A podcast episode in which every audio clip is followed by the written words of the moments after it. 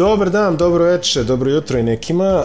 Nalazimo se... Ah, prvi put ću najaviti nešto što nije nešto što sam navikao da ne javljam, ali ajde kažemo, ovo je podcast, najopasniji rezultat, jubilarna 25. epizoda i ovo je prvi podcast koji neće najaviti naš dragi Uroš, a neće najaviti zato što je bolestan, ili on barem tako tvrdi, znate, Uroš je u prošloj epizodi koji smo zajedno radili i tvrdio također da, ovaj, da je Jordan rešio da igra bejsbol i da se povuku iz takvih nekih sportskih eh, segmenata, tako da i mi ćemo tvrditi da je on bolestan, a zapravo evo ga, javio se slikom, sada pokazuje nam nešto, ne vidim tačno dobro šta je, ali mi ćemo sada tvrditi da smo ga sklonili zato što ne priznaje pravog gota, pa nek ostane na tome. U svakom slučaju Uroš je sprečen da učestvuje, a ovdje ste sa mnom Milošem Jovanovićem i sa Tonijem Lazarošićem koji se javlja uživo iz Splita. Toni, dobro jutro. Dobro jutro, dobro jutro tebi i slušateljima i moram te pohvaliti za ovu za ovaj sjajan uvod, vidi se da imaš ovaj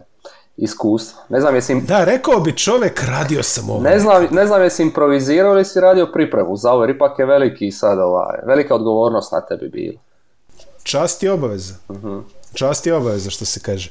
Toni, ovdje smo se okupili kako bismo prošli kroz ono što zapadne kolege sa ESPN-a kažu Q&A ili ti pitanje i odgovori. Znači, naši dragi slušaoci i gledaoci povremeno uputili su nam pitanja, a na nas se računa da damo odgovore.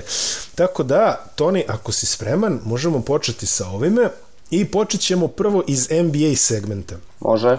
Imamo, pitanje su podeljene, imamo NBA, imamo Evropu, Biće će ovde nešto iza mene, bit će iza tebe. E, kada dođe vreme, je napisao kako misli da će se završiti situacija sa Joshom Gidijem i može li Oklahoma da ostane u top 6. Toni, ja ću kažem nešto o Gidiju, a ti reci nešto o Oklahomi. Mislim da smo to, da je to bolje. Ti si bolji s tim taktikama, ja sam bolji sa tračevima. Tako da ostaćemo, ostaćemo na tome pa vidi, situacija sa Josh Gidijem je vrlo interesantna. Ja sam zapravo video gomilo ljudi koji su na mrežama rekli pa dobro, nije uradio ništa strašno. Ok, čenjenice iz neke perspektive tebe, mene i Tonije i Juroša verovatno nije uradio ništa strašno. Međutim, uh, uzevši obzir da je on sportista e, koji igra u NBA-u, malo drugačija pravila se tu primenjuju. Ja ne verujem da je on nešto zgrešio protiv zakonito osim ako se ne utvrdi da ta devojka nema ovaj manje od 17 ili 16 godina koliko već onda jeste u problemu, ali činjenica je da je neki ovaj fallout te situacije već počeo, juče sam čitao da možda izgubi veliki sponzorski ugovor koji ima u Australiji zbog sve ove svinjarije. za sada on sme da igra, što je također, ajde, da kažemo pozitivno za Oklahoma, vidit ćemo kako će se odraziti na njega, ali sigurno je da nikome nije prijetno ako u sred sezone u kojoj se tvoj tim takmiči ovaj, eh, za neko visoko mjesto, da je konačno su se stvari malo skockale kako trebaju i Oklahoma više nije sprdnja kakva je bila, da ti onako nek šta, treću nedjelju sezone izađe fotka od neke random devojke na Twitteru na kojoj piše upravo sam tri tačke Josh Gidija. Tako da, situacija može da ode u sve smerove, ali definitivno će ostaviti traga. A, Toni, Oklahoma i top 6? Pa, ja sam ovaj, prošli tjedan upravo izašao tekst ili ovaj tjedan. Ne znam jebote, ovaj, Uroš mi nije htio objaviti tekst jedno dva tjedna pa sam više... Ej, ja sam isto proživio, druže, pa- čekao sam da izađe nešto dve nedelje. A, ono, futbol, futbol, futbol, da... Pa- sam sve nešto futbala. Sve nešto futbala kao neka neka ravnopravnost na portalu, timski rad, ovo ono, ali ništa od toga, nema veze. Ovaj, sad sam i zaboravio o čemu sam pisao nakon toliko vremena, tako da ću onako improvizirat. E, šalu na stranu, Oklahoma stvarno nakon prošle sezone, što su E, ušli u play-in sa vrlo mladom ekipom i kada praktički nitko nije očekivao to od njih jer su u nekakvom rebuilding modu, napravili su dodatan iskorak e, ove sezone i evo ih sada mislim da su na drugom ili trećem mjestu na, e, na zapadu sa jako dobrim učincima, dakle imaju top 10 i obranu napad, točnije šesti napad, šestu obranu, E, baš sam malo još pogledao brojke, imaju drugu najbolju koš razliku i drugi najbolji half court napad. E, tako da čini mi se da su te brojke tu da ostanu jer jednostavno Oklahoma ima jako dobar personal koji je kliknuo između sebe. E, imao, imao glavnog igrača u Šeju koji je ono top 10 vjerojatno igrač u ligi e, i koji nosi tu ekipu napadački. E, solidno je posložena obrana također jeli, sa Dortom i Holmgrenom prvenstveno, ali onda i, i ovim Jalenom Williamsom, J Dubom. I e, iako su i dalje najmlađa ekipa u ligi, igraju stvarno jako dobro. E, kada, ti, kada pogledaš koga su sve dobili, koga su izgubili, tu ima stvarno velikih skalpova ali ono što je najinteresantnije, je Oklahoma ne gubi ove male utakmice. Dakle, njima će se jako teško dogoditi, odnosno nije im se dogodilo još do sad da izgube tipa od nekog e, Portlanda ili Horneca, Chicaga. Ne, to, to stvarno melju i mislim da je to jedan dobar put da ostanu u top 6, ali ja mislim da mogu oni puno bolje od toga i ne bi se iznenadio nakre uhvate čak i, i prednost E, domaćeg parketa jer kažem, ovo i što rade u napadu i što rade u obrani je održivo, održivo dugoročno. E sad, jedino se može pojaviti taj problem sa Gidijem e, koji je onako dosta bitan igrač njima koncepcijski, e, pa ako on dobije neku suspenziju, tu će im se klupa koji onako nije baš duga dodatno skratit, ali mislim da je čak da se to i desi da playoff ne bi trebao biti upitan e, ne znam, zala si Dodo, izvini, ali šutiraju 40% timski za tri. U mhm, su prvi NBA. Tako da, eto, i to, to ne znam koliko je održivo na duže staze taj procenat, ali ajde da kažemo definitivno nešto što im ide na ruku trenutno. A, Pero de Formero pita kako ocenjujete potencijal Clippersa u ovoj sezoni? Dokle mogu da dobace Toni? Oćeš ti ovo? Pa može. Evo, baš su se sinoć izgubili od Denvera. Bez Jokića. Bez Jokića, bez Gordona, bez Mareja. E, doslovno su ih uništili njihovi bivši igrači. Andre Jordan se pretvorio u u Jokića sa ne znam 20 poena, 13 kokova, 5 asistencija, tako nešto imao. Reggie Jackson se pretvorio u u, Dejon, u ovoga Jamala Mareja sa 35 poena. E, a taman sam, kada sam se spremao za podcast, htio pohvaliti ovaj, da su se malo dignuli u zadnjih par utakmica, posebno defenzivno. I ono što me iznenadilo je da imaju petu obranu u ligi. To mi je onako pomalo sulud, sulud podatak s obzirom kako su izgledali zadnjih tjedana od kad je Harden došao, ali dobro, eh, ja im ne vjerujem. Jednostavno, svake godine se nešto toj ekipi desi. Ili im se desi ozljeda, ili im se desi Westbrook, sad im se desio Harden. E, još uvijek fali i to ekipi kemije, još uvijek napadački nisu dobro posloženi, još uvijek igraju na par, ne par i ne znam šta je ovaj treći. Jer malo Lenard igra izolaciju, malo George igra izolaciju, malo Harden igra izolaciju. Prva su ekipa u ligi po izolacijama, dakle to nije neka košarka koja, koja prolazi danas. E, defenzivno, ok, to e, bi se i mogli nekako E, posložiti jer imaju opet Kavaja, Đorđa, Zubca, ubacili su Mena sad u startnu petorku i tu imaju nešto na, na, na nečemu ugraditi. Ali napadački još uvijek je to baš teški proces. Posebno što se Hardena tiče koji ono ima e, koji je doživio ove sezone e, popriličan regres. E sad, je li to zato što što je propustio trening kamp što je došao nespreman ili je stvarno jednostavno čovjek više ušao u godine i nakon tolike kilometraže e, je počeo e, umirat motor i curit gorivo i ulje na sve strane jer evo ima karir low u postocima na obruču, u prodorima, u izvedenim slobodnim bacanjima i u još nekim segmentima. Dakle, tu se vidi da on jednostavno mm, trenutno, a možda i za stalno, nije više onaj igrač koji bi radio razliku, a to jednostavno e, Clippersima treba ako planiraju napraviti nešto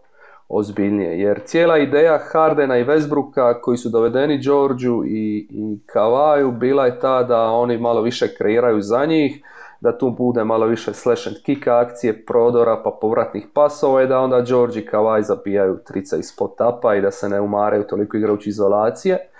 Međutim, evo, nakon dva, tri tjedna e, akcije sa svom četvoricom, e, ništa se zapravo suštinski nije promijenilo u toj ekipi.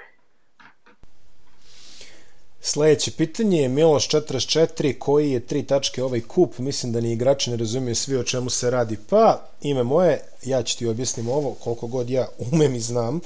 U svakom slučaju ovo je prvo izdanje tog eh, kupa ili ti in-season tournament kojemu mu je zvanično ime. Uh, ideja je vrlo jasna, napraviti još jedan trofej za koji bi neko mogao da se bori po uzoru na evropska takmičenja po uzoru na kraju na futbolska takmičenja pre svega. Amerikanci u MLS-u već imaju taj neki kup, tako da evo sad su uveli kup i u košarci. Ovo čini mi se prvi eksperiment unutar velika četiri američka sporta pod kojima smatramo košarku, bejsbol, hokej na ledu, i američki futbol. E, koncept je jednostavan, svi ste vidjeli one drečave parkete koji se igraju, na kojima se igraju ove turnirske utakmice, to je skup utakmice. Znači, e, tri ekipe su podeljene na pet grupa i igraće četiri utakmice. E, čini mi se da su već odigrali skoro sve, možda je još jedna ostala ili tako nešto. E, pobednici tih grupa, e, znači plus neki wild cardovi, više sad je ne, znači šest pobednika grupa plus dva najbolje wild carda, onda će igrati četvrt finale, pa polufinale i finale koje se igra, čini mi se to, ne ispravit ćeš mu u Vegasu. Kako je?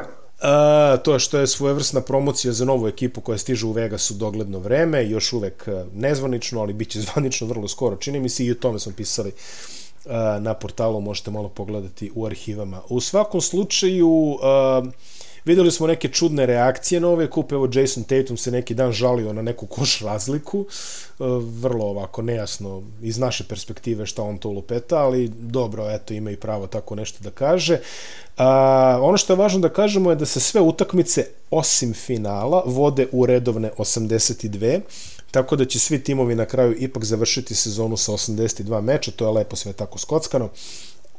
E, tako da samo finala se ne vodi, neki srećni timovi će odigrati 83 utakmice regularne sezone jer ovo i dalje podvode kao regularnu sezonu. A, e, nagrada je pre svega financijska ne znam tačno sad napamet koliko, ali verujem da će biti dovoljno para da se drugi motivišu da igraju. Da li ćemo videti prave nokaut utakmice u stilu evropskih kupova, nisam i dalje siguran da li se to toliko zapatilo, ali činjenica da je nešto novo i u krajnjoj liniji NBA ako valja zadržat će ga, ako ne valja neće, oni su vrlo prosti jednostavno onako američki biznis orijentisani po tim stvarima tako da eto, da vidimo ovo je u svakom slučaju šansa da neko u sezoni zaigra za neki trofej koji nije nužno onaj najvredniji pa možda to zgodina, možda to bude neki novi smisao e, za ekipe koje nikako ne mogu da dobace do play-offa trenutno gledajući te ovaj, e, turnirske rezultate. Orlando recimo jako dobro stoji, imaju tri pobjede i jedan poraz mislim da će oni skoro sigurno biti kvalifikovani, sad ne znam zaista kakve je međusobne, evo Lakersi dobro stoje, New Orleans dobro stoji, Sacramento dobro stoji, hvala Bogu, tako da možda Sacramento nekad pobije za neki trofej. Ali ajde, to vam je ukratko o tome kako izgleda taj uh, kup Davida Sterna, kako ja volim da ga zovem, ili ti in-season tournament. Ognjen T pita hoće li Vezenkov i ili Vasa uspjeti da se adaptiraju na NBA ili ih uskoro opet gledamo u Europi. Toni, ajde ti o Vasi, a ja ću o Saši, tako da izvoli prvo. E, pa nekako mi se čini da su obojica, gledajući njihovu karijeru, e, kasno nadošli, ono što bi Ameri rekli, late bloomer, jel? E, obojica Mm, obojice je trebalo malo vremena da postanu to što jesu. Nisu eksplodirali kao mladi igrači, nego su nekako u, već zrelim godinama e, svoje karijere postali euroligaške zvijezde. Možda to ima malo veze e, i sa adaptacijom na NBA, možda im treba vremena, možda ih treba malo pričekati da, da nadođu. E, iako i da su otišli i da imaju drugačiji, ne znam, da su imali drugačiji put u Euroligi, da su od starta bili mlade euroligaške zvijezde kao tipa Bogdan Bogdanović ili netko takav, svejedno bi im trebalo vremena za, za prilagodbu i na novu, novo okruženje, novu ekipu, novu kulturu, sve novo, dakle tu ono treba još malo pričekati. E, gledao sam Micića, pošto stvarno ne propuštam Oklahoma, on, tako sam mm, upratio te njegove minute, E, čini mi se da još uvijek e, se ne osjeća potpuno komforno na terenu i da bih htio prvenstveno e, pokazati se kao onako timski igrač, kao nesebičan, pa onda često, često zna zaglavinjati, tražiti nekakva dodavanja i komplicira u situacijama kada bi trebao šutnuti. Ne znam, možda, možda je to moj dojam, možda je to jednostavna instrukcija trenerska, Eh, ali mislim da bi trebao preuzeti malo više ono hrabrosti i odgovornosti u, tim minutama kada, kada je na parketu jer nije doveden džabe. Ono, mislim da je četvrti najplaćeni igrač na tom rosteru. Ok, nije sad to neka prevelika lova, to je 7,7 milijuna dolara, ali ipak su mu dali taj ugovor, mogli su ga potrošiti na nekog drugog, tako da možda bi, možda bi trebao on pokazati malo više aktivnosti.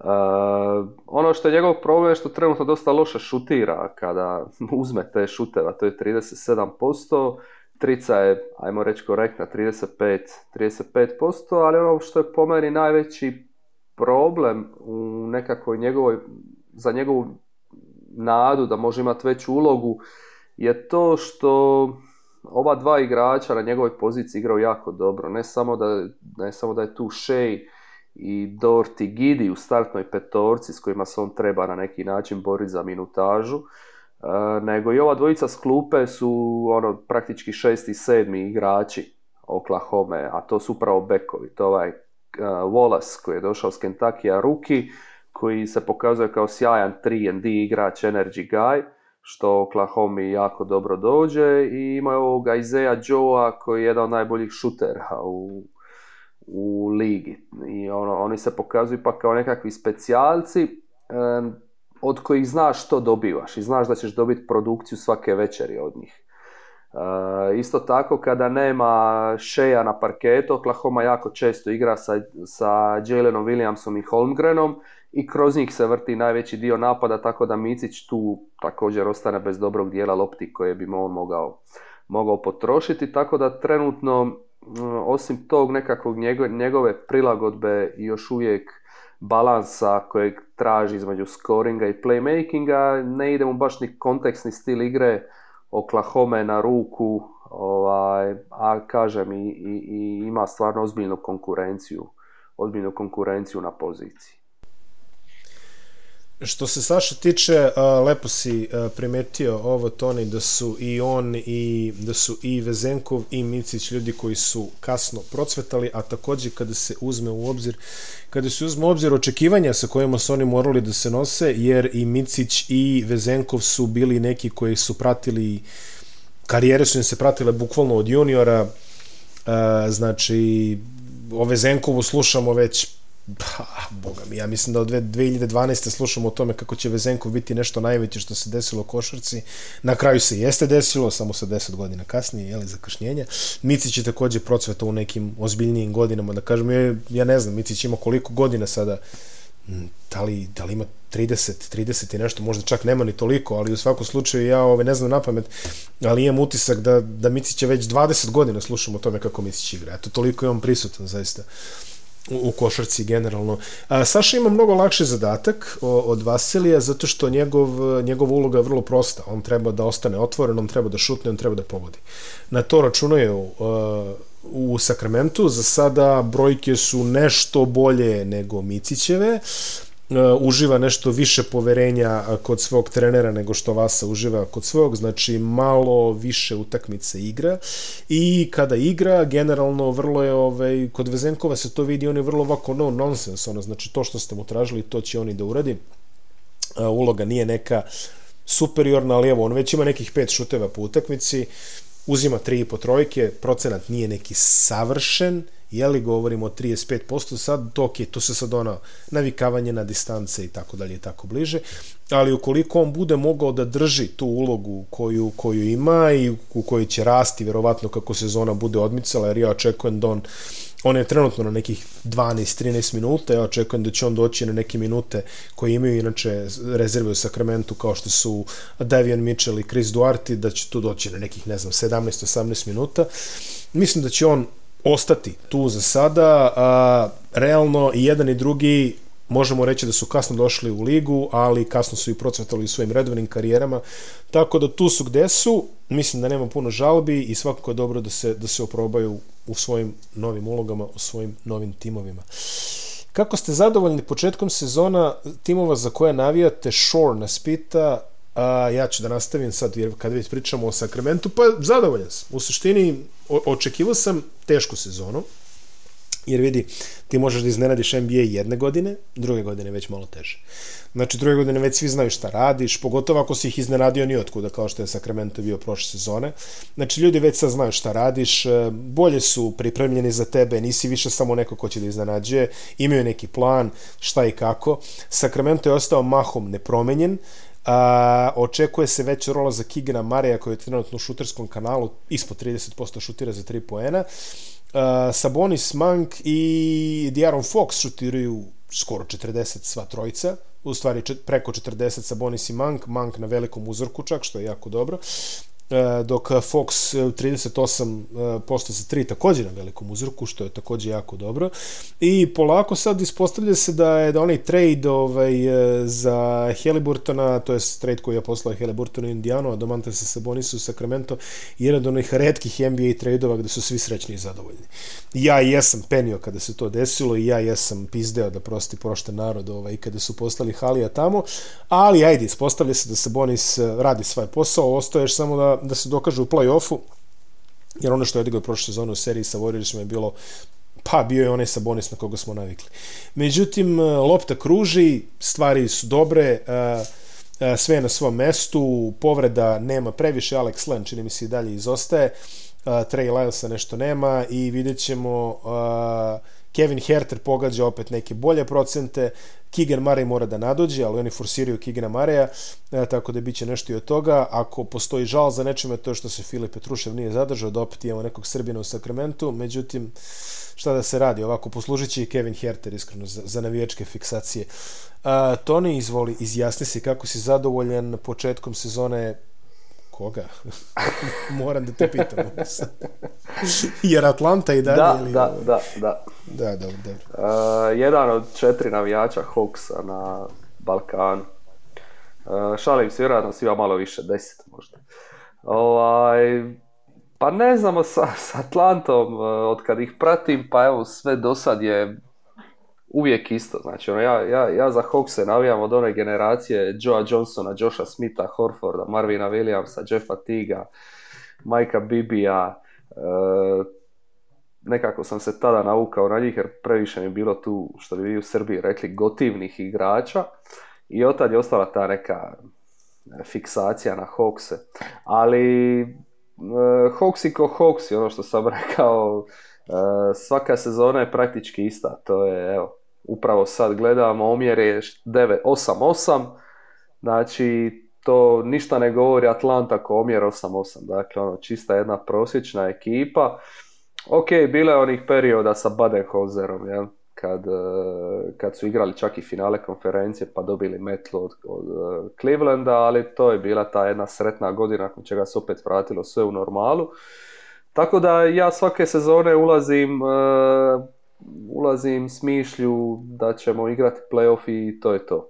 Nema nikad nekih prevelikih očekivanja. Zanimalo me ove sezone što bi Snyder, u nakon što je prošao trening kamp s ekipom, mogao donijeti novog u, ekipu. Zanimalo me hoće li se dogoditi nekakav novi rast Treja Younga i ovog nekih novih igrača. I onako, dosta je polovičan uspjeh. E, Young je imao dosta razočaravajuću u sezonu i to me dosta frustriralo jer ekipa igrala dobra kad, dobro kad je on igrao loš. To je zanimljivo.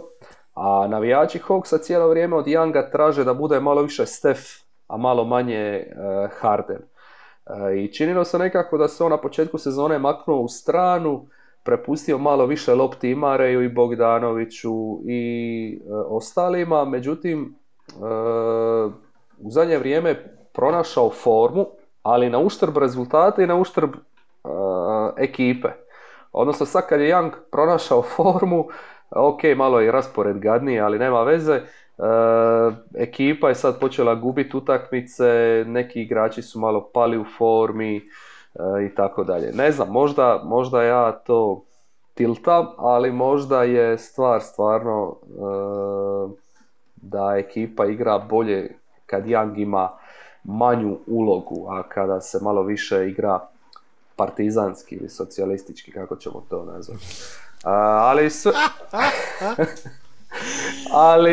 ali, sve u svemu, ok, ako ništa drugo možemo bar iz večer u večer uživati u tom stvarno jednom dobrom napadu, evo imao drugi napad u ligi, igraju brzo, igraju atraktivno sa puno lobova, zakucavanja, trica. Bogdan Bogdanović igra dobro, to je isto lijepo vidjeti u, ono čini se da nastavlja dobru formu sa, sa svjetskog prvenstva i evo stvarno oduševljen sam ove sezone ako ničim drugim onda sa ovim Jalenom Johnsonom koji je iskočio napokon kada je John Collins otišao u Jutu i njega se stvarno isplati gledati jer je ono pravi glue guy e, ono pršti od atleticizma i energije, a i vrlo je koristan ono kao igrač jer može i zabiti tricu, može odigrati pick and roll, e, solidan je u obrani e, i ima taj nekakav playmakerski gen koji on također treba, treba, treba promatrati i on je sam donio i on je sam donio čak ono par pobjeda Hawksima na uvodu, na uvodu sezone. Nažalost sad se i on ozlijedio pa onda opet smo opet je Atlanta u okrnjenom sastavu, ali kažem, opet nemam neka prevelika očekivanja, a ovo za sad sve što su napravili je baš ono tipično u stilu Hawksa. Da dodamo da Bogdan Bogdanović definitivno ako nastaje u ovakvom ritmu trenutno je na stabilnih 39% za 3 uz velike uzorke. Vrlo lako može privući pažnju neke ono contending ekipe tamo negde u februaru kad se te stvari budu razmatrale. Dosta povoljen ugovor za tradovati takođe.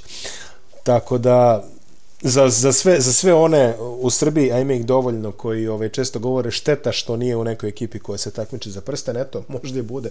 Svakog februara se spomenju u krajnjoj liniji, nije to slučajno. Prelazimo na evropsku sekciju i tu je prvo pitanje Vukana Cvetkovića. Vukan pita, treba li skratiti Euroligu? Timovi poput Asfala i Albe pokazuju već neko vreme ozbiljan manja kvalitete i tu su samo statisti. Ili je rješenje dati za stalno nekom drugom da igra redovno? Pa prvo ja mislim, ja ću ovo Toni, mislim da skraćenje se neće desiti, to je, može samo da se proširi zaista iz ovoga smjera i mislim da je skraćivanje trenutno nerealno. Što se tiče Asvela i Albe koji pokazuju da su samo statisti, pa Asvel je Tony Parker, a Alba je iz Berlina. A pošto Euroliga voli da se kače za te brendove, bilo toponimske, bilo igračke, to je stare igračke što se kaže, Vjerujem verujem da su njihova mesta mnogo bezbednija u Euroligi nego što bi to bila mesta Crvene zvezde i Partizana takvo je stanje na terenu, takvo je zaista, tako su pravile igre što se kaže i Vukan koji pita da li je rješenje dati za stalno nekom drugom da igra redovno, ha, mislim da ćemo pričati o tom rješenju u jednom od narednih pitanja, ali ne vjerujem, Alba pogotovo ne vjerujem da će da se skloni, Asfalt se možda i skloni, zavisi od toga kakva situacija se bude razvijala tamo ali mislim da u budućnosti ćemo gledati i Asfel, to jest i Bayern neko duže vreme, a što se Francuza tiče, ajde, to nek ostane otvoreno. Ali barem moje očekivanje da će Alba da ostane i mislim da Euroliga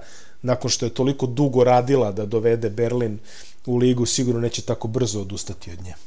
Da, i to su, to su, to su dva u ostalom jako velika tržišta, Njemačko i Francusko. Da, Eventualno bi se moglo dogoditi da Pariz možda zamijeni pa radi se na tome, radi se, radi se na Parizu, radi se na Londonu i njih su pustili ono da rade kroz Eurocup. Evo Londonu ne ide loša, je čisto to da kažemo, Pera Božić tamo jeli, radi posao kako treba, ali ako neko bude menjao da, Asvel ili Albu, to će biti ili London, ili Pariz, ili nešto treće o čemu ćemo pričati malo kasnije. Beogradski mali pirat, da li su nam očekivanja od klubske košarke generalno prevelika? Olako shvatamo druge, a gledano istorijski, na primjer, italijanski klubovi iz Bolonje i Milana imaju pet titula i des finala, a da ne pričamo o Barceloni, Realu i Grcima. Ajde, Toni, ti Hrvatsko, ja ću srpsko stanovište, da imamo kompletan region Pokrivenu mhm. Pa ne znam, što se hrvatskog, što se hrvatskog dijela tiče, tu stvarno E, nitko više nema nikakva očekivanja jer je jasno koliko para, toliko muzike. Hrvatski klubovi nemaju sponzore, e, nemaju para i onda jednostavno nemamo neka prevelika očekivanja. Očekivanja je jednostavno da ostanemo u ligi. E sad, e, i možda to čak i nije zdravo, možda bi bilo bolje istupiti, posveti se težem dijelu posla dok ponovno ne stasamo na noge, odnosno trebalo bi napraviti kompletnu reorganizaciju košarkaškog sustava u Hrvatskoj, što je sad neka potpuno druga tema. Možda nije pošteno što se moj novac kao poreznog obveznika troši za... Mm, evo ga, evo ga, evo ga, evo ga. za neke, ja kažem možda, za neke igrače koji to ne zaslužuju, za neke trenere koji to ne zaslužuju, za funkcionere u klubovima. E, ne čini mi da je to dugoročno dugoročno drživo, može se samo životariti, a mislim da životarenje ne bi trebao biti nekakav krajnji cilj e, ili ostanak u ligi ne bi trebao. Znam, znam da ne možemo se natjecati sa bogatim klubovima i to, ali onda moraš imati nekakvu logičniju strategiju. E, moraš, ako ništa drugo, pokušati odglumiti e, megu. Pa dovesti nekakve talente mlade, dati njima šansu, e, pokušati tako se odužiti, e, pokušati pronaći neki svoj smisao. Evo sad smo pričali o Albi.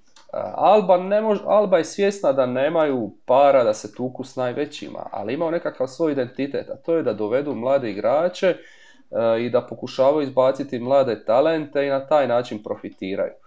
E, Split je recimo na nekakvom pokušaju bio toga, pa su evo doveli tipa igrača poput, poput Borisa Tišme i Gnjidića u toj nekakvoj šansi da, da, da, da od njih naprave igrače, što klubovi prije njih nisu uspjeli. E, ali onda opet ti igrači nemaju neku veliku rolu, opet e, ti igrači ne vidim, ne vidim što se od njih želi napraviti. Dakle, i tu sam da, i tu luta. Tako da, kažem, e, očekivanja rezultatska nemamo, ali ja bi imao očekivanje da, da, da mogu prepoznati u kojem smjeru ide klub za koji navijam, ide hrvatski klub, u kojem smjeru što želi Zadar, što želi Split, što želi Cibona ali to trenutno ne vidim. Ne vidim da niti jedan od tih klubova ima identitet, osim ako identitet nije idemo ostati u, u, u ABA ligi.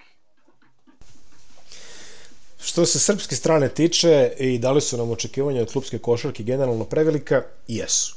Da li su tu s razlogom? Jesu. Mislim, ja sam pisao ranije generalno srpsko očekivanje od košarke, bilo klubski, bilo reprezentativno su uvijek visoka. E, Srbija je u košarci ono što je Brazil u futbolu, to je nešto što sam rekao više hiljada puta i kada nije neka generacija i kada su sušnije godine i kada nemamo Jokića, Micića, Bogdanovića i ne znam već koga, mi ćemo i dalje otići na turnir sa namjerom da ga osvojimo, jer prosto i Brazil kada nema neke igrače i oni će otići na turnir sa namjerom da ga osvoje, pa sad dokle stignu. Ali ispod renomea i ispod tradicije koju mi imamo, je da mi sad kažemo, pa, znaš kako, idemo, pa šta nas, šta nas zapati, što se kaže.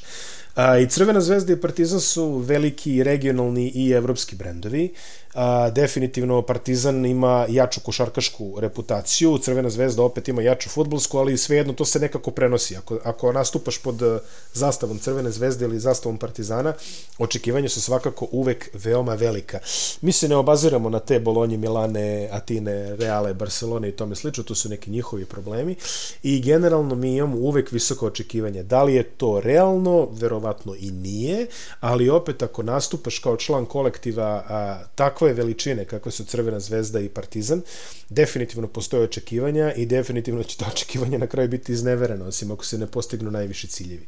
Tako da da li su nam očekivanje prevelika? Jesu, da li su realno? Nisu, a da li je to tako? To je prosto tako. Kako je? I čudim, čudim se ni što se to nekako u Hrvatskoj mnogo rapidno izgubilo, jer sva tri abaligaška kluba iz Hrvatske su klubovi određenog velikog renomea. E, govorimo o pet titula prvaka Evrope u poslednjih e, koliko 40 godina, plus e, ono što kažemo veliku reputaciju i sve to što idu u Zadru, tako da u Hrvatskoj se to nekako lagano zaboravilo, a da li to ima veze sa hiperekspanzijom futbala koji je stvarno dobar u Hrvatskoj, pogotovo na reprezentativnom nivou, to je već neka sociološka studija u kojoj ne želim da učestvujem, ali definitivno ja mislim da reprezentacija kao nosilac klubskog sporta je pojam koji se mora ozbiljno prihvatiti.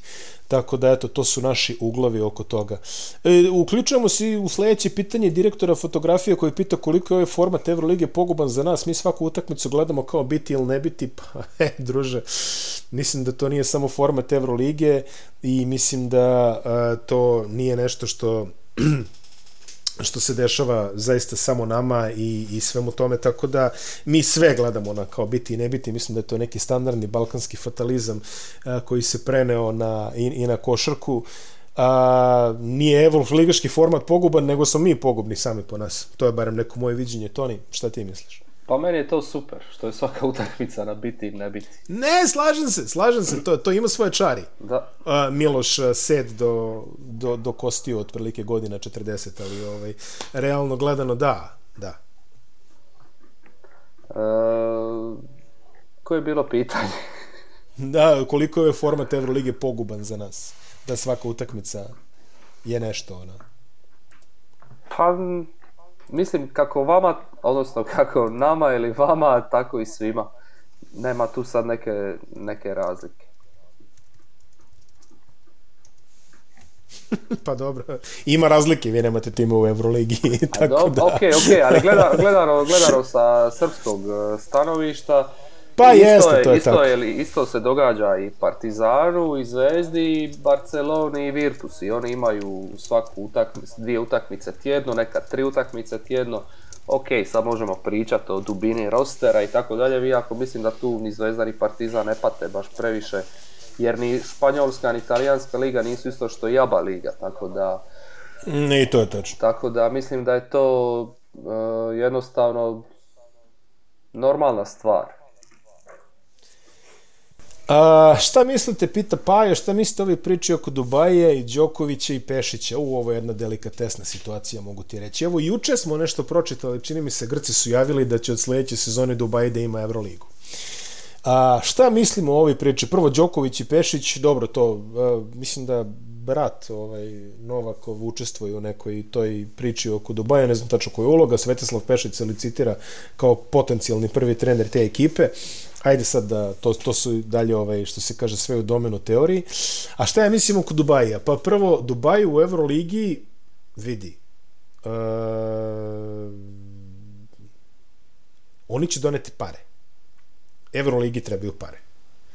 A, možemo, mislim ono, tradicija, ne, ne, ne se lebo tradicije ja potpuno razumem da iz našeg ugla mi volimo da pričamo o tim tradicionalnim centrima evropske košarke kakvi su, ne znam, Beograd, eh, Zagreb, Split i tako dalje, ali i mi zaista pravimo tu neku, ajde kažemo, lepu promociju, navijači, sve ovo ono, ali da li mi donosimo pare koji će Dubaje doneti? Ne. Eh, Dubaje može da bude neka quick fix solucija, E, znači da jednostavno ljudi dođu, da grunu neki veliki kapital i da se kona, da, neko konačno može da zaradi od Evrolige, da kažemo i to, imali smo onaj podatak nedavno da je Real, koliko ih je koštalo već, ono u nekom ozbiljnom su minusu bili u sezoni u kojoj su osvojili Evroligu, tako da ako osvajač Evrolige ne pravi pare, i ne znam čemu ostali mogu da se nadaju, ali e, generalno gledano Dubaji ekonomski ima veoma, veoma smisla. to sad tom, pričamo za Euroligu. Što se tiče Dubaja u ABA ligi, tu se manje entuzijastičan. E, mi taj statut, e, novi statut jeli, koji postoji da se ograničavamo samo na klubove iz bivše Jugoslavije, lako ćemo da ga prekršimo, ali onda dajte i nama neke pare. Nemoj da bude samo da je Dubaj i trojanski konj u ABA ligi koji će tu da se podmetne da bi imao kao neku izlaznost, da kao evo i oni igraju neko europsko takmičenje, nego dajte i nama nešto. Znači napravite neki ono kolektivni price pool, što kažu Amerikanci, pa nek dobiju i Krka i Borac i, Split i, i Zadari i svi ostali koji jedva iznesu troškove sezone koji nisu mali da i oni dobiju neke parade. oni vidi nešto od toga. Napravite neka TV prava, nešto, pa onda to ima smisla. A ne ovako samo da nam podvalite Dubaju i da, da oni mogu da se loptaju ovaj, sa Zvezdom Partizanom i ostalima i da kažu evo mi sad igramo europsko takmičenje, a sve pare da se sliju u Euroligu. Mislim da to ne bi imalo smisla. Tako da to je bilo što se tiče Dubaja. O, evo, evo to je jedna delikatesnost za tebe. Kako Željko misli da zategne odbranu, plus šta može da očekuje od Ferela, od Ferala verovatno ništa, jer koliko sam čitao jutro, taj transfer je propao. Ali spojit ćemo to pitanje Dušana Marića i pitanje John Boss 95 koji pita može li Željko s ovim brojem preuzimanja i insistiranjem na takvom tipu odbrane da napravi beton ili će izbor Partizana morati da bude na koš više. Pročito sam negde na 100% da samo jedna ekipa u NBA efikasnija Partizana, to je Indiana. Ali ajde ovaj Toni, kaže kako Željko misli da zategne odbranu. Bože, koliko ovo pretencijozno znači ja pitam Tonija, kao kako pa- Željko pa, pa, baš, sam, pa baš sam to htio reći, baš sam to htio reći, ovaj, ne znam, stvarno, stvarno ne znam. Ali pošto to ne može biti odgovor e, na jedno ovako ozbiljno pitanje, da ću se potruditi malo ući u nekakvu biti bar da detektiramo probleme gdje su. E, da, Partizan ima stvarno e, sulud efikasan napad, ali trenutno koliko zabijaju, toliko i primaju. Doslovno, evo baš gledam, e, stat se zabijaju 122,4 poena na 100 posjeda, primaju isto toliko, dakle koš razlika im je nula. pa, prošle sezone je bila ista situacija Dakle, Partizan je ovo što je bilo u pitanju postavljeno igrao na koš više, doslovno. E, obrana također je gotovo 80% sezone bila među najgorim u ligi, prva dva, tri najgora defanzivna rejtinga. Tek su se pred kraj sezone nešto malo, nešto malo digli. E, ja lani kad sam pisao onaj svoj prvi tekst e, za velike priče o Bradoviću, e, rekao sam jednu stvar za koju i dalje mislim, mislim da stoji, a to je da je često partizan, da je često partizan žrtva svoje, svoje obrane. Jer oni igraju strašno agresivno. Igraju sa puno iskakanja, igraju na loptu, igraju pressing, igraju dakle ono suludo agresivno. I to jednostavno ekipe često znaju prelako iskorištavati na način da ili zabiju puno trica ili kretanjem bez lopte im prelako dolaze do obruča. E,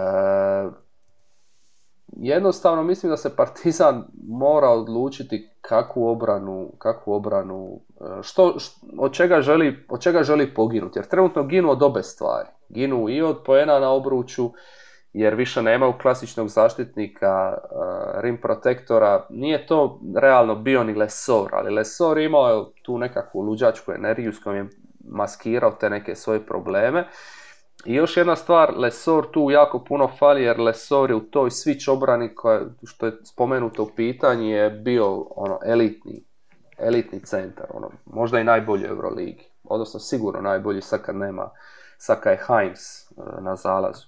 I Partizan sa ako ništa drugo, uh, kada bi im išlo loše prošle sezone, kada ne bi mogli spojiti tu svoju agresivnu obranu, generirati nekakve stop brojke i obranice, Partizan bi se prebacio u switch all obranu i tu bi plivali jako dobro.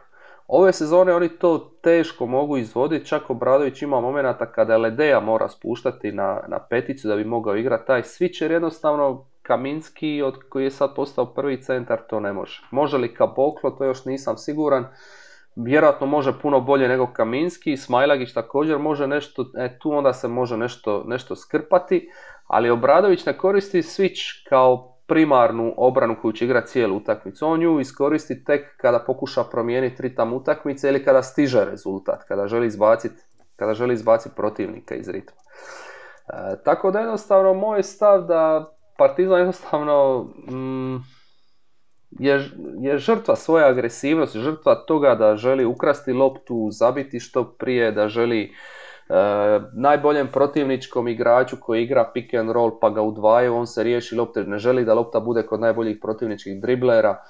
E, međutim, Euroliga je dosta napredovala i sve su tu i sve su bolji igrači tu i što se tiče kažnjavanja tih nekih situacija, E, bolji su šuteri, e, igrači također poprimu nekakve moderne karakteristike i mogu više stvari odrađivati, napadati obrući i kreirati i tako dalje. E, tako da mislim da mm, nekakve prilagodbe moraju biti napravljene što se agresivnosti tiče. Ne kažem, ima momenata ovisno o protivniku kada Kaminski stoji u zoni, kada onda šuteri stoje stoje, odnosno kada ono obrambeni igrači stoje bliže šuterima, ne izlazi se toliko na pomaganja, ali onda opet to Frank Kaminski, njega opet teško tako sakrit kad je samo u dropu jer on nije klasični, klasični zaštitnik obruča, nema tu energiju kako je imao Lesor pa da onda nekakvim e, blokadama zamaskira eventualno nekakvo čitanje igre. E, potencijala ima i u Avramoviću i Aramazu, ali opet je ta ekipa E, rađena da igra agresivno. Jer kad imaš Avramovića, Jarama, za PJ Dozira, ti jednostavno si napravljen da igraš agresivno. To je u tvom identitetu. Ali Partizan još uvijek ne uspijeva pomiriti taj nek, tu nekakvu agresivnost sa učinkom. A napadački, ne znam što im je Ferel trebao, zašto su njega tražili, ok, evo sad, ja sam pročitao jučer da, da ne izgleda ništa od toga zbog ugovora, koji Partizanu nije bio prihvatljiv, vjerojatno je cifra nekakva u pitanju. E, pa mislim da im playmaker takvog tipa i ne treba, jer imaju dovoljno stvarno, oni napadačkog oružja, napad je taj i dalje elitan, e, kažem, obrabeni potencijal nekakav imaju, ali sumnjivo mi je to, jedno, ne kažem da Obradović radi nešto krivo, ali sumnjivo mi je to što ni prošle ni ove sezone ekipa s tako agresivnim stilom ne može izvući bolje defensivne rejtinge. E sad, u čemu je problem, to, to ne znam. Pa dobro, pretpostavljam da će, se, da će se nešto sklopiti u dogledno vreme. Nastavak, pitanje samo slažete li se sa Darkom Plavšićem da ovaj tim Zvezde nema kvalitet? Pa ja mislim da se još rano da pričamo o tome iskreno. Ja vidim da kvalitet fali na nekim pozicijama, nema, Zvezda trenutno nema profilisanog beka šutera, ima nešto između na dva mesta, to je Nedović kao jedan, kao neki combo back i Gedraitis kao neki swingman. Mislim da ovom prvom više odgovara da bude 1 kroz 2, a ovom drugom više odgovara da bude 3 kroz 2, tako da čisto 2 nema. Pozicija centra, pa hajde kažemo da, da je Bolomboj neko otkrovenje, trenutno njega se možda i najmanje očekivalo i e, ispostavio se kao jedan od ključnih igrača za sada.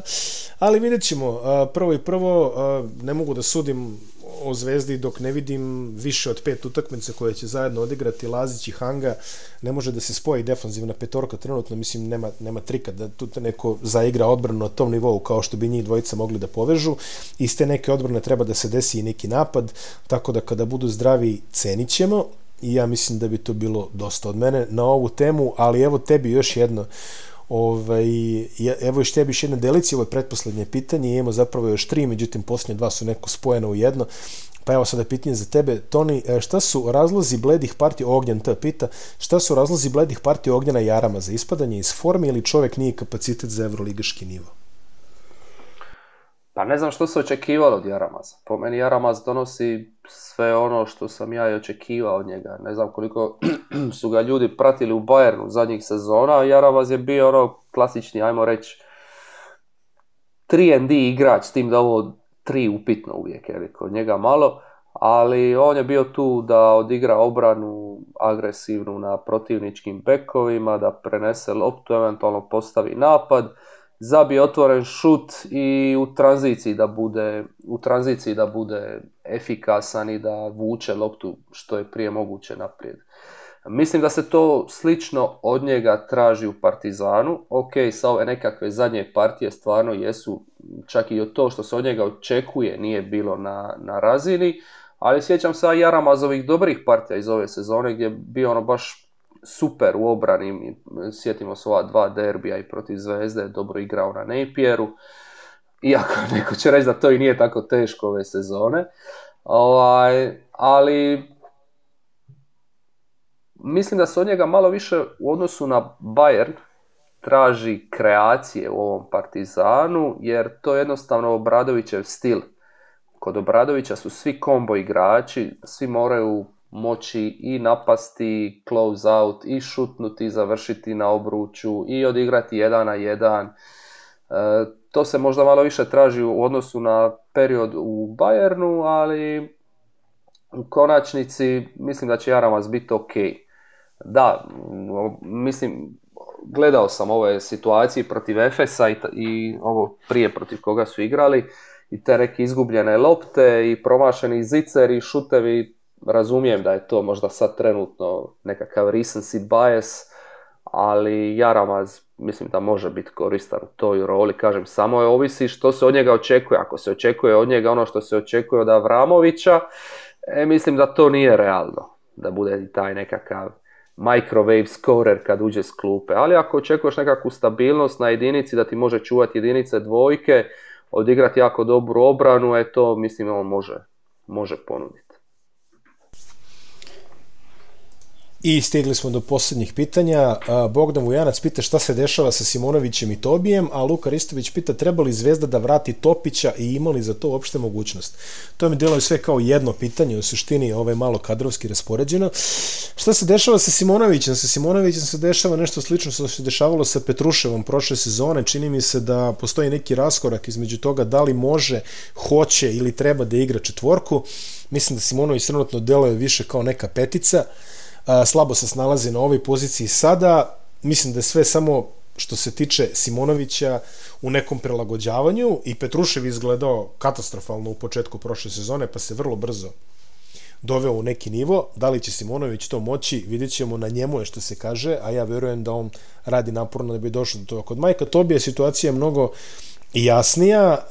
Majk Tobi je prevashodno ofanzivni igrač i dok je bio u špicu svojih e, kapaciteta tamo u Valenciji i u slovenečkoj reprezentaciji, Mike je zna se zašto je služio da izrola neki pop, e, da pogodi čeonu trojku i generalno on je pogađao dosta visoke procente, njegova karijerna trojka u Euroligi je oko 36-7%, što je vrlo respektabilno za čoveka njegovih gabarita, Njegovih procenti za dva su oko 65%, to je također dobro, znači na njega se računa da završi okolo obruča, da pogodi tu trojku kad je otvoren, a otvaranje će, hvala Bogu, biti i da generalno bude koristan u tog segmentu i da uhvati neki skok ako baš krene na njega, sad niko se ne zaluđuje činjenicom da će to biti igra neku veliku odbranu.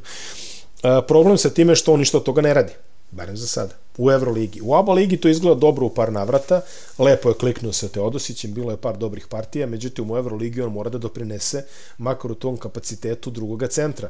E sad, ko je prvi centar u Crvene zvezde je neko peto pitanje, ali verovatno je on sada u toj nekoj ulozi, on ne pogađa, dosta je često, dosta je često otvoren, dosta često i ne pogodi, tako da kada Tobi izađe iz tih šuterskih kanala, ako mu se pruži dovoljno vremena za to, ja se nadam da hoće, ja verujem da će njegova igra i malo nadoći. što se tiče mm, Nikole Topića i trebali Zvezda vrat Topića, da li ima mogućnost? Ima mogućnost, to može da se desi čini mi se oko nove godine, a da li treba da ga vrati, ja potpuno nisam siguran. Prvo, Topić je trenutno na nekoj lepoj trajektoriji, on se konsistentno projektuje tamo negde, počeo je sezonu kao pik druge runde, sad je već negde u prvoj rundi, pa neki ga čak bacaju u loteri. iz onoga što sam ja stigao da razgovaram sa nekim NBA personalom, draft klasa koji ide pred nama je vrlo pa da kažemo enigmatična, nema nekih ono vrlo jasnih top pikova, uglavnom se citiraju neka iste imena, Toni, ti to znaš bolje od mene, ali mislim da je onaj Buzelis iz Litvanije tamo to pet trenutno otprilike i još neki, ali u svakom slučaju nije toliko kristalno jasno formirana klasa kao ova i sasvim je moguće kako su mi objasnili ljudi da će neko da se zaljubi u Topića tamo na kraju loterija i da mu ponudi to mesto ukoliko Topić ode u loteriji nećemo ga gledati više u Zvezdi nikada to vam je jasno a verovatno ostalom ako ode u prvu rundu mislim ako on ode kao pik prve runde to je kraj a sada je projektovan kao pik prve runde tako da ko je na njega u Zvezdi može polako da se oprašta e sada a, u, po, zašto bi Zvezda vratila Topića u ovom momentu pa Zvezda trenutno ima tri playmakera. Uh, jedan je u užasnoj formi i to je Šabaz Napier. Da li očekujem da će ta forma da potraje, očekujem da neće. Ja očekujem da će on da probije i da će da igra ono zašto je doveden i šta bi on trebao da radi. To sam u ostalom i pisao pre neki dan. A, ima Miloša Teodosića koji izgleda odlično, ali treba mu redukcija minuta, njemu godine idu i njemu dosta treba a, da odigra tu ulogu na koju je namenjen, znači ne da igra 28-32 minuta, nego da igra 18-22, mislim da je to ushodno s njime. I ima Jagadu Santosa, e, koji je dosta dobro ga pokazao u nekim limitiranim minutima, koji su malo porasli kako je opadala forma Šabza napira. Tako da, ako bi Topić došao, ja ne vidim zašto bi on dolazio. Mislim, šta, kakav je to potez? To je potez da bukvalno kaže, evo, hteli ste Topića, evo sad gledajte Topića, evo vam ga pola sezone, koje minute on može dobije, ne znam. Sigurno bi neke dobio, ali onda bi imao četiri playmakera na rosteru, to je po meni previše, zaista u sve kvalitete koji postoje, osim ako uprava ne ekonomiše da se, da raskine saradnju sa jednim od ove trojice, meni u ovom momentu to nije verovatno. A što se Topića tiče njegovog daljeg razvoja, ja mislim da je njemu super tamo gde jeste, ima prilike u Megi, sme da greši, sme i ovo i ono, u Zvezdi on bi dobio nekih šest mjeseci, ne znam, ni toliko čak, tri meseca Euroligi, četiri meseca Euroligi, koliko već mu ostane, da li će to nešto drastično utjecati na njegov razvoj? Neće.